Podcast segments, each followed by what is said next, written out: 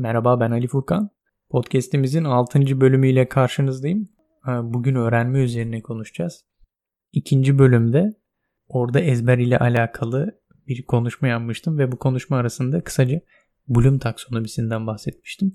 Benjamin Bloom isimli bir eğitimci 1950 yıllarında eğitim amaçlarının taksonomisi isimli bir kitabında ortaya atıyor ilk kez bu sınıflandırmayı.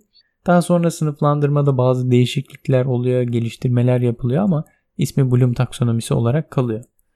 Ve bugün de öğrenmek nedir sorusunu Bloom taksonomisi üzerinden incelemeye, bunlar üzerine bazı örnekler vermeye çalışacağım. Şimdi soru ile başlayalım. Öğrenmek nedir? Formal bir tanım kullanmayacağım. Çünkü bölüm boyunca zaten öğrenmek nedir'i konuşacağız ama kısaca şöyle ifade edebiliriz. Öğrenmek bir düşüncenin anlaşılması, bilginin ezberlenmesi, bir hareketin yapılabilmesi, bir duygunun tecrübe edilmesi gibi farklı anlamlarda kullanılabilecek bir fiildir.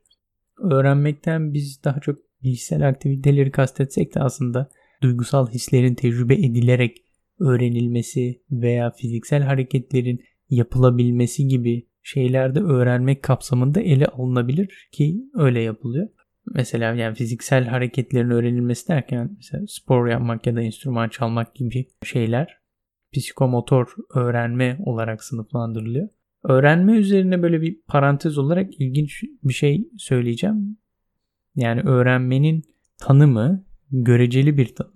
Mesela İngilizce biliyor olabilirsiniz ama ne kadar iyi biliyorsunuz? Yani ne kadar iyi bildiğiniz aslında bir eşik var. O eşiği geçip geçmediğiniz üzerinden tanımlanıyor. Eğer o eşiği geçmişseniz İngilizce biliyor oluyorsunuz veya işte başka bir eşik var. Onu geçerseniz çok iyi biliyor oluyorsunuz gibi gibi.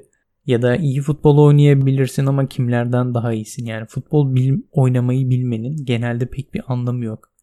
Kimlerden daha iyi olduğun önemli. Yani öğrenme üzerinden hep bir rekabet dönüyor ee, ve ilginç bir şekilde öğrenmeyi de öyle tanımlıyoruz. Bu rekabet üzerine daha sonra tekrar duracağız ama bu bize bir şeyi anlatıyor. Yani çok önemli bir şey anlatıyor.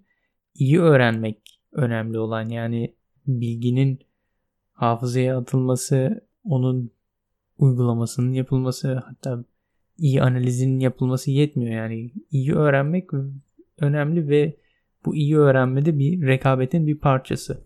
O zaman iyi öğrenme üzerine biraz daha konuşmaya çalışalım. Zaten bundan sonraki kısımlarda hep öğrenmek üzerine konuşurken nasıl iyi öğrenileceği üzerinde konuşmaya çalışacağız. Benjamin Bloom'a geri dönelim şimdi. Benjamin Bloom öğrenme tiplerini üçe ayırmış. Bu birincisi bilişsel, ikincisi duygusal, üçüncüsü psikomotor. Üçü de bizim podcast'imizin konusu. Ama e, şimdi bilişsel öğrenme üzerinden gideceğiz. Zaten ilk anladığımız tarzı bu. Ve burada aslında söyleyeceğimiz pek çok şey diğerleri için de genel olarak geçerli. Spor ile alakalı bölümde bu bölüme atıf bulunarak bunları da ilerleyen haftalarda tekrar konuşacağız. Şimdi Bloom taksonomisinde bilişsel öğrenme basitten karmaşağa doğru yani aşamaları var. Daha doğrusu bence buna niteliği demek daha doğru. Bu aşamalardan ilki bilmek. Ezber bölümünde ifade ettiğim şekliyle ezberlemek. İlk aşama bu. İkinci sırada anlamak, üçüncü sırada uygulamak, dördüncü sırada analiz, beşinci sırada değerlendirme ve son olarak da sentez var. Altıncı aşama. Notlarımı Talha ile paylaşmıştım. Kendisi de dikkatli bir okuyucu olarak hemen fark etmiş. Önceki bölümde değerlendirmeyi en sona koymuştun dedi bana. O bölümü çekerken hızlıca Wikipedia'dan bakmıştım. Wikipedia'daki sıralama Benjamin Bloom'un kitabında yayınladığı ilk versiyonuymuş. Sonra ilerleyen zamanlarda taksonomi güncellenmiş ve sentez sonu alınmış. Ben de o versiyonu kullanmayı tercih ettim ve bu bölümde onu kullanacağım. Yani sentez en sonda. Onu öğrenmenin nihai seviyesi olarak adlandıracağız. Şimdi bu sıralamaya dikkat ederseniz bu bir hiyerarşi ve zaten anlatımlarda da genelde bir piramit olarak resmediliyor. Web sitemizde de bir görselini bulabilirsiniz. Bu görsel Bloom taksonomisi anlatılırken hemen hemen her yerde kullanılıyor zaten. Alttan başlayarak üste çıkıyorsunuz ama alttaki basamak her zaman daha geniş. Yani piramidin şekli itibariyle öyle olması lazım. Burada anlatılmak istenen şu. Eğer mevcut bilgi seviyesi büyümezse öğrenmenin bir sonraki aşamasında nitelikli bir iş yapmanız zor. Yani bir üstteki basamak piramit yapısı itibariyle dar olmalı. Siz bunu genişletmek istiyorsanız bunu tabandan yukarıya doğru yapmak zorundasınız gibi bir şey çıkıyor. Ee, somut bir örnekle şöyle diyelim. Eğer hafızanızda ne kadar çok bilgi varsa o konuyu o kadar iyi anlayabilirsiniz. Anlamaktan kastettiğimiz şey yorumlamak, örnek vermek, sınıflandırmak, özetlemek, konu üzerine akıl yürütmek, karşılaştırmak, başkasını açıklamak gibi şeyler. Şimdi üçüncü basamağa çıkalım. Eğer konu yeterince iyi anlaşılmazsa şimdi öğrendiklerinizin uygulamasını yapabilecek bir seviyeye geliyorsunuz. Yani günlük hayatta kullanabileceğiniz bir öğrenme halindesiniz demektir bu. Ve bunu da yapabilecek seviyeye ulaştıktan sonra bir sonraki aşama analiz. Konunun alt başlıklarını oluşturabilirsiniz. Başka konularla ilişkilendirebilirsiniz. Ve bunda da artık yeterince bir birikime sahipseniz bir sonraki aşamaya yani değerlendirmeye geçebilirsiniz. Burada da öğrendiğiniz konunun, bilginin kritiğini yapabilecek durumdasınız. Bu konuyu başkalarıyla tartışabilecek durumdasınız. Mesela bir argüman hangi varsayıma dayanıyor? Dolayısıyla neden güçlü bir argüman veya neden zayıf bir argüman? Bunları söyleyebilecek öğrenme seviyesindesinizdir. Son aşama ise sentez. Burada insan öğrendiği şeyi sentezleyerek yeni bilgiler üretebilir ve aslında bir anlamda bu aşamada öğrendiği şey kendi ürettiği şey de olmuş oluyor. Yani burada bilgi çoğalıyor. Yeni bilgiler üretiyoruz bu seviyeye geldiğimiz zaman. Şimdi bölümün diğer başlığına geldik. Bölüm başlığını öğrenmek ve kompozisyon yazmak olarak koymuştum. Kompozisyon sizden bildiğiniz, anladığınız, analiz edebileceğiniz veya değerlendirebileceğiniz bir konuda yeni şeyler söylemenizi ister. Böyle bir uğraş. Yani sentez yapmanızı ya da şöyle söylemek gerekirse eğer öğrenmenin önceki aşamalarında ne kadar iyi bir birikiminiz varsa kompozisyonda o kadar iyi yazabilirsiniz. Tabi yeni şeyler söylenmeniz istenmeyebilir sizden kompozisyonda. Ama en azından bir kompozisyon konusu verildiği zaman sizden bir şeyler söylemeniz istenir ve bu söyleyeceğiniz şeyler işte analiz ve değerlendirme gibi üst düzey akıl yürütme gerektiren şeyler olmak durumunda. Anlattığımız hiyerarşide tırnak içerisinde tekrar ifade edeyim üst düzey bir akıl yürütme gerektiren bir faaliyet. Kompozisyon yazmak aynı zamanda bir öğrenme metodu çünkü hali hazırdaki bilgileriniz arasında e, sizi ilişkiler kurmaya da zorlar. Dediğim gibi yani yeni şeyler söylememiş olsak da sahip olduğunuz bilgiler üzerine düşünerek bunları yeniden ifade etmeniz gerekiyor. Tekrar kafanızda organize etmeniz lazım ve bunu güzel bir dille yazıya dökmeniz lazım. Bir anlamda biraz önce kullandığımız görsel anlatıma dönersek piramidin alt basamaklarını genişletiyor. Yani ve böylece teknik olarak piramidin daha yukarıya çıkması mümkün oluyor. Konu neydi, ne hakkında konuşuyorduk çok hatırlamıyorum. Kalabalık bir arkadaş grubu içerisindeydik. Arkadaşımın birisi kompozisyon yazmayı hiç sevmiyorum demişti. Ona cevaben e, başka birisi de sevmezsin tabii çünkü düşünmen gerekiyor diye sataşmıştı. Verilen bir cevap aslında olayı oldukça iyi özetliyor. Hala unutmuyorum o diyaloğu. Kompoz çünkü kompozisyon yazmak veya herhangi bir üst düzey olarak nitelendirdiğimiz akıl yürütme yani öğrenme süreci e, daha fazla efor gerektiriyor. Bunun sonucu olarak beyin daha fazla enerji harcıyor. Bu yüzden de öğrenciler genel olarak kompozisyon yazmayı sevmiyor. Ve bu tarz üst düzey akıl yürütme gerektiren bir düşünme yapmak, öğrenme çabası içerisinde olmak çok fazla enerji gerektiren bir uğraş. Şimdi bu taksonomiyi kullanarak başka örnekler üzerinde duralım. Burada bir taksonomi perspektifinden ikincisi de enerji bakış açısından konuyu ele alacağız. Birincisi diyalog. Diyalog Bloom taksonomisinde yer alan bilişsel öğrenmenin basitten karmaşa her aşamasını barındırabilir. Yapılan diyalog sadece bilgi aktarımı ise en basit öğrenme biçimidir. Konuşmacının da dinleyicinin de fazla enerji harcaması gerekmez. Diğer yandan analiz, değerlendirme ve sentez içeren bir diyalog varsa hem dinleyici hem de konuşmacı için bu daha öğretici bir diyalog olur. Diyalog örneğini şu yüzden seçtim çünkü her gün gerçekleştirdiğimiz bir faaliyet ve her gün gerçekleştirdiğimiz bir faaliyet olması itibariyle de çok kıymetli. Bu bakış açısı önceki bölümde Talha'nın bahsettiği mantık ilmini konuşmamış olduğumuz aynı zamanda çok önemli olan ve pek çok müfredatta öğrencilere ilk öğretilen konu olan belagat ilminin de ne kadar önemli olduğunu bize hatırlatıyor. Neyse bu parantezi kapatalım ve geri dönelim diyaloğa. Diyalog yalnız gerçekleştirilememesi itibariyle kişinin kendi konuşmasına dikkat etmesinin yanı sıra konuştuğu kişinin kim olduğu da önemli.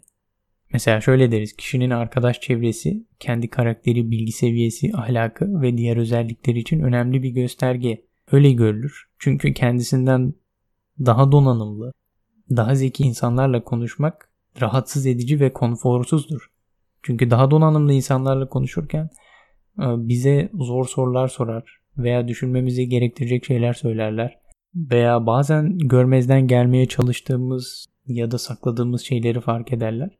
Yine aynı sebeplerle genellikle sosyal çevremizde kendimiz gibi düşünen insanlardan oluşur. Dikkat edin nasıl öğrenciler zahmetli olduğu için kompozisyon yazmayı sevmiyor dediysek insanlar da zahmetli olduğu için farklı düşünen kişilerle bir arada bulunmak istemezler. Çünkü farklı düşüncelere sahip insanlarla diyalog kurmak, bir arada bulunmak insanı düşünmeye ve öğrenmeye zorlar.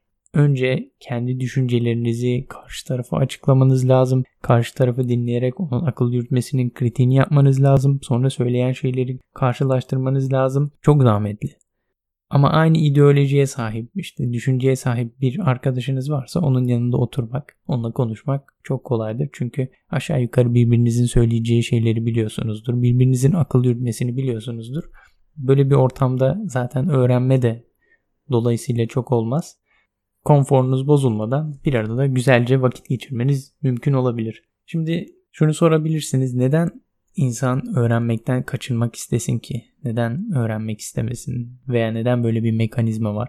İnsan beyni yanlış bilmiyorsam vücudumuzun en çok enerji tüketen organı. Ve bilinçaltımız bir şeyi öğrenmemizin de kalmamız için çok önemli olmadığını düşünüyorsa o zaman bizi öğrenmekten alıkoymaya çalışıyor. Eğer hayatta kalmak için bir şeyin öğrenilmesi gerektiğini düşünüyorsa o konuya hayret duyuyor, merak duyuyor ve öğrenmemiz için bizi zorluyor. Aslında bu kadar basit. Bu yüzden mesela çocuklar her şeye hayret duyarak sürekli bir şeyler öğreniyorlar, sürekli merak ediyor. Çünkü çocukluk halinde tırnak içerisinde hayatta kalmak için çocuğun dünyayı öğrenmesi, çevresini tanıması, insanları tanıması, diyalog kurabilmesi, sosyalleşebilmesi gerekiyor ve öğrenmeye açık bir zihin durumunda oluyor. Ama yaş ilerledikçe bilinçaltı zamanla tasarruf moduna geçiyor. Yani öğrenmeye karşı ilerleyen yaşta direnç göstermeye başlıyoruz. Ama bu direncin aslında sadece biyolojik değil, kültürel ve sosyolojik nedenleri de var. Bu biyolojik nedenler, ikincisine kısaca kültürel nedenler diyeceğim. Kültürel nedenler iç içe geçmiş olabilir, birbirini besliyor olabilir. O zaman ben sizin yerinize bir sonraki soruyu sorayım. Bilinçaltının sahip olduğu bu mekanizma bizim için kötü mü? Cevap hayır. İnsanın kendisi öğrenmeye, bildiklerini sorgulamaya açık tutması ilerleyen yaşlarda genellikle başına iş açıyor. Ayrıca şunu unutmayın ki tarih, matematik, dil veya fen bilgisi gibi öğrenmenin 100 sene önce hayatta çok fazla karşılığı yoktu. Yani öğrenmenin entelektüel çabanın ötesine geçmesi çok zordu. Bugün matematik bilmeden beyaz yakalı bir çalışan olabilmek çok zor. Diğer yandan bilinçaltının kullandığı verimlilik mekanizması modern insanı zor durumda bırakıyor. Bunun en önemli sebeplerinden birisi biraz önce bahsettiğimiz kültürel nedenler. Bunları bizim konumuz itibariyle şöyle ifade edersek belki daha doğru olur. Eğitim ve dünya hakkında sahip olduğumuz yanlış kanılar. Yani örnek vermek gerekirse eğer sürekli okuyanlar aç kalıyor sözünü duyarsanız bilinçaltınız size bir şeyler okumanın, bir şeyler öğrenmenin verimsiz bir uğraş olduğunu telkin edecektir. Okumaya ve öğrenmeye zamanla isteğinizi kaybedeceksiniz. Zaten podcast'in diğer bir amacı da bu eğitim konusundaki yanlış kanunlar üzerine durmak. Yeni bir eğitim düşüncesi inşa etmek. Neyse konuyu dağıtmadan ikinci örneğe geçelim. Bu örnekte de e, çok bilinen bir öğrenme metodundan bahsedeceğiz. Öğreterek öğrenmek. Bir konu hakkında sunum yapmak, bir başkasına konuyu açıklamak, konu üzerine yazı yazmak gibi hedeflerle bir konuya çalıştığınızda o konuyu çok iyi öğreniyorsunuz. Yani sanıyorum ki pek çok kişi bu durumu tecrübe etmiştir kendi hayatında ve başkalarında gözlemlemiştir. Şimdi bunu biraz önce bahsettiğimiz taksonomi ve enerji verimliliği mekanizması üzerinden tekrar ele alalım. Bir konuyu iyi ya da kötü öğretebilmek için konu hakkında bilginizin ezberlemenin ötesine geçmesi gerekiyor. Yani en azından konuyu anlamanız lazım ki başkasına aktarabilirsiniz. Mesela konuyu sınıfta anlatacaksınız muhtemelen en azından konuyu analiz edebilecek ya da değerlendirebilecek kadar bilgi sahibi olabilmeniz lazım.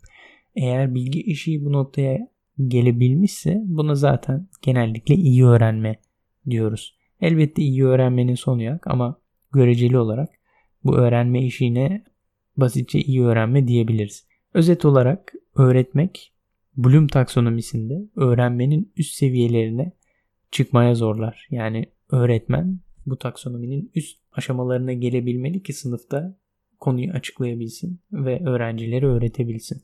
Bu yüzden de e, öğreterek öğrenmek oldukça verimli bir öğrenme biçimidir.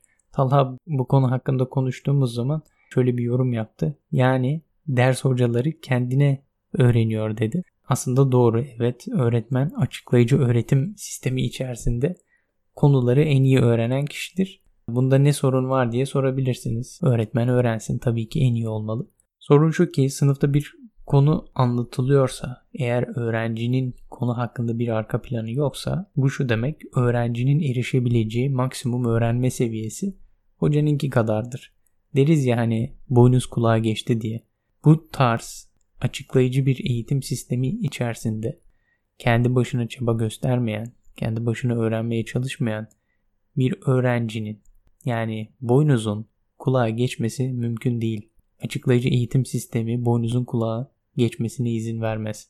Bu arada açıklayıcı eğitim sistemini ilk defa duyanlar Cahil Hoca Podcast'inin ilk 4 bölümünü e, dinleyebilirler. Burada e, bu konu üzerine uzunca konuşmuştuk. Şimdi konumuza tekrar soruyla dönelim. Neden öğretmek için öğrenmek ve öğrenmek için öğrenmek arasında verimlilik farkı var? Bunun cevabı da soruda gizli. Öğretmek için öğrenmek dediğimiz zaman bir ihtiyaç ve bir amaç tanımlamış oluyoruz. Bilinçaltımız da burada ihtiyacın farkına varıp biraz önce bahsettiğimiz verimli enerji modundan çıkıyor.